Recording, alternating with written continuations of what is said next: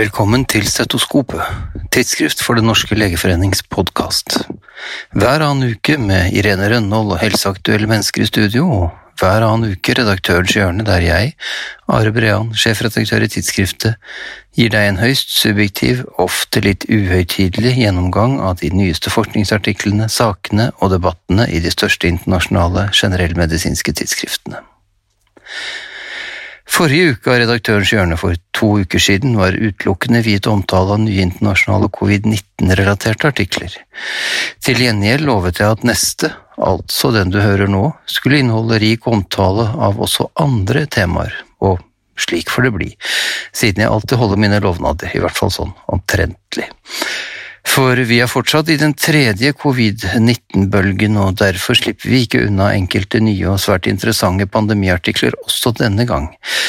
Men annet skal det også bli, og siden denne utgaven av Redaktørens hjørne slippes midt i påskedagene, må vi også ha litt dedikert påskeforskning til sist. Men først til en studie i The Lancet som har undersøkt forekomsten av antistoffer mot SARS-CoV-2 i Wuhan. 9700 innbyggere fra 3600 husholdninger tilfeldig utvalgt fra alle Wuhans 13 bydeler ble tilfeldig utvalgt til testing for antistoffer mot SARS-CoV-2 på tre tidspunkter – april 2020, juni 2020 og mellom oktober og desember 2020. 6,9% av de testede utviklet antistoffer mot SARS-CoV-2, mens bare snaut 40% utviklet nøytraliserende antistoffer. Over 80% av de med antistoffrespons var asymptomatiske, og høyest antistoffrespons ble sett i de som hadde symptomatisk infeksjon. Blant konklusjonene, både i studien og i en ledsagende lederartikkel i The Lancet, er at forekomsten av nøytraliserende antistoffer ved naturlig infeksjon ser ut til å være lav, spesielt ved symptomfrie tilfeller, og at dette understreker behovet for effektive covid-19-vaksiner for å kontrollere sykdommen. Vi kan altså ikke stole på flokkimmunitet, i alle fall ikke i befolkninger der strenge smitteverntiltak har blitt igangsatt, slik det ble i Wuhan rett før denne studien startet. Omtrent det samme budskapet har en feature-artikkel i Nature nylig, som konkluderer med at covid-19 vil ende opp som en endemisk sykdom, slik som influensa, og at flokkimmunitet virker mindre og mindre sannsynlig jo mer erfaring vi får med dette viruset. Argumentene som listes opp fra flere hold til støtte for dette, er at det fortsatt er uklart hvorvidt vaksiner hindrer spredning, at hastighet og omfang av vaksinering varierer betydelig mellom land og regioner i verden, at stadig nye varianter av mer smittsomme og mulig vaksineimmune stammer oppstår og spres, og til sist at immuniteten i gjennomgått infeksjon, kanskje også etter vaksinering, ser ut til å kunne avta over tid. I mellomtiden har vi forbausende lite data på langtidseffekten etter gjennomgått naturlig infeksjon med SARS-CoV-2. Nå foreligger imidlertid resultatene fra en større fransk studie publisert i Yama nylig. Studien er en ukontrollert kohortstudie av 478 pasienter som hadde vært innlagt på sykehus med covid-19 i perioden mars til mai 2020. Disse ble fulgt opp fire måneder etter utskrivelse, og en lang rekke kognitive, respiratoriske og funksjonelle utfall ble kartlagt. Snittalderen var 61 år, 51% rapporterer om minst ett vedvarende nytilkommet symptom etter utskrivelse. Hos 31% var dette fatigue, hos 21% andre kognitive symptomer og hos 15% tungpust. CT-thorax viste lungepatologi hos 108 av 171 undersøkte pasienter fire måneder etter innleggelse, og lungefibrose hos 33 av disse. Det er verdt å legge merke til at dette var en ikke-kontrollert kohortstudie, der man heller ikke hadde premorbide undersøkelser, så funnene må tolkes med stor varsomhet. Dessuten hadde alle vært sykehusinnlagt og hadde med andre ord gjennomgått relativt alvorlig sykdom. Likevel, halvparten rapporterte altså minst ett vedvarende symptom fire måneder etter utskrivelse. En annen åpenbar svakhet med studien, som pussig nok ikke diskuteres i den heller, det er manglende sammenligning med kohorter av pasienter innlagt med andre lignende tilstander, eksempel influensa.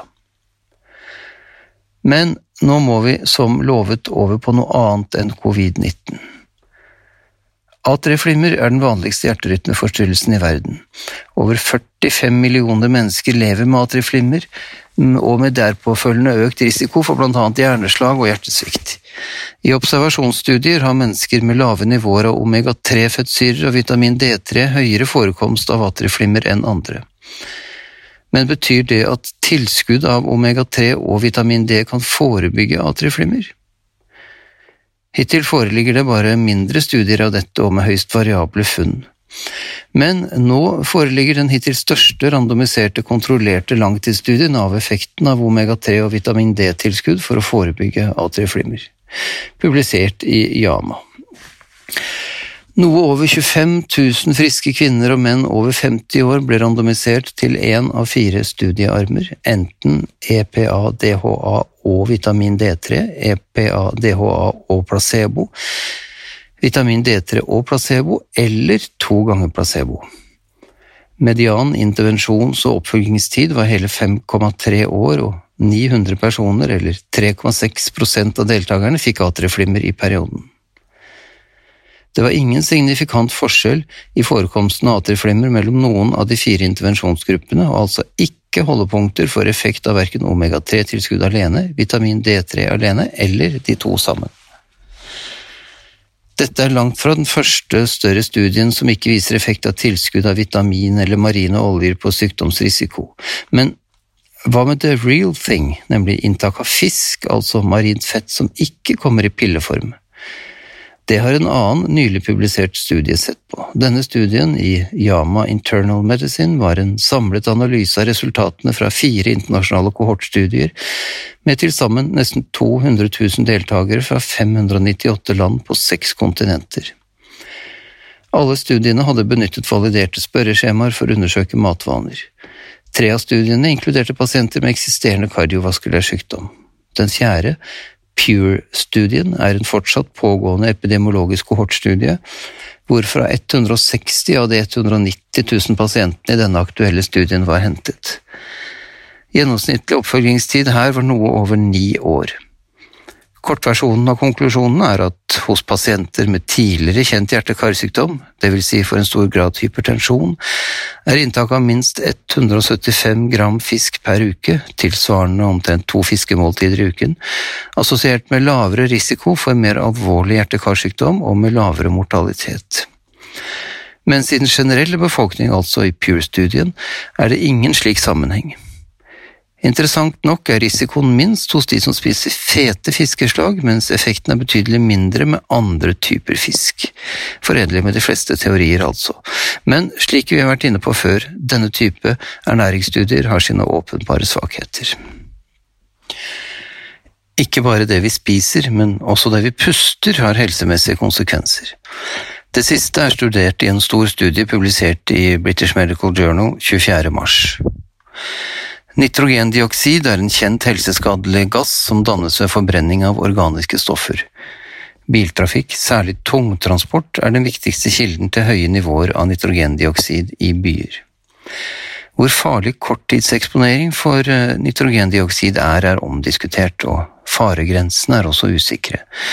Den foreliggende studien undersøkte nitrogendioksidnivåene i 398 byer i 22 ulike land der slike målinger foretas, og samlet inn data for total mortalitet og mortalitet av henholdsvis hjerte-karsykdom og luftveissykdommer i de samme byer, i en retrospektiv studieperiode som strakte seg fra 1973 til 2018. Resultatene viste en nær lineær sammenheng mellom eh, nitrogendioksidnivåer og mortalitet. Det er en konsentrasjonsøkning på 10 mikrogram nitrogendioksid per kubikkmeter eh, luft ga en økning på gjennomsnitt 0,46% i mortalitet påfølgende dag, uten noen terskelnivåer. Forskerne konkluderer med at nitrogendioksid er forbundet med betydelig helserisiko, selv på nivåer langt under de gjeldende standarder og retningslinjer, inkludert de nåværende WHO sine luftkvalitetsretningslinjer. Og, kan vi legge til for vår del, også klart under de nivåer som gjelder norske byer. Det er noe å tenke på neste gang markeringskåte politikere demonstrativt kjører sine dieselbiler opp på fortauene der våre barn bor. Men nå må vi nærme oss påsken også her i redaktørens hjørne. Smale langrennsski, bløte påskeløyper kan være litt av en balansetest. En annen balansetest som du sikkert husker fra medisinstudiet, er den såkalte Rombergstest, som rett og slett måler evnen til å stå på ett ben. En utvidet og standardisert utgave av denne enkle testen er benyttet i en prospektiv studie nettopp publisert i Yama Otorino-Laryngology. 5800 amerikanere over 40 års alder, tilfeldig trukket fra en større nasjonal prospektiv kohortstudie, gjennomførte en standardisert utvidet rombergstest og ble deretter fulgt opp i median 12,5 år og målt på endepunktene total mortalitet og mortalitet av hjerte-karsykdom og kreft.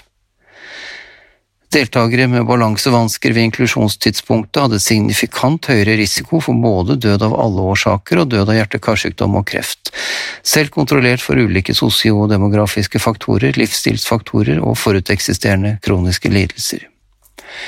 Ut fra studiedesignet kan man selvsagt ikke vite om sammenhengen er kausal, og om den i så fall er påvirkelig av balansetrening, men for sikkerhets skyld kan du gjerne ta deg et par ekstra balansetreningsturer på smale langrennsski i påsken, eller for deg som har bypåske, øve på å stå på ett ben.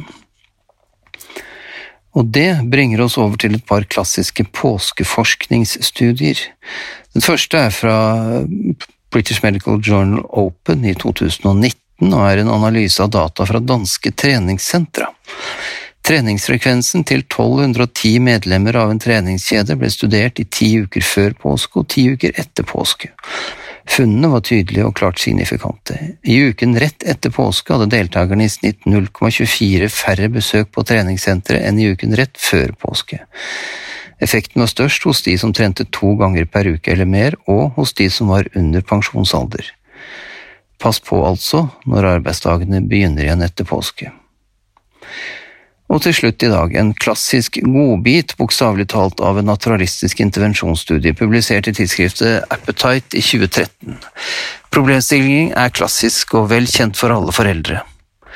Når barna får hvert sitt påskeegg stappfull av sjokolade og søte saker, lønner det seg å forsøke å begrense inntaket og få dem til å spare, eller bør man heller la dem bare spise uhemmet i vei i håp om at den resulterende kvalmen og mettheten naturlig vil begrense inntaket? Studiedesignet besto av to eksperimenter. I eksperiment 1 ga 53 foreldrepar 75 gram sjokolademynter til sitt barn før en helg. I eksperiment 2 ga 86 foreldrepar påskeegg til sitt barn i begynnelsen av påskeferien. I begge eksperimentene ble foreldrene tilfeldig fordelt til enten å forsøke å begrense inntaket ved å oppfordre barna til å spise litt hver dag, eller til å la dem spise uten begrensninger. Både opplevd og faktisk inntak ble vurdert.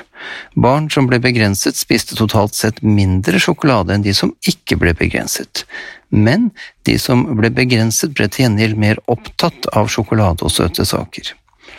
Konklusjonen som ble trukket av forskerne, var at om man vil at barna skal spise mindre påskegodt, lønner det seg å begrense dem, men om man vil at barna skal bli mindre opptatt av påskegodtet, så la dem spise og bli ferdig med det. Ha en riktig god påske med eller uten sjokolade. Vi høres neste gang.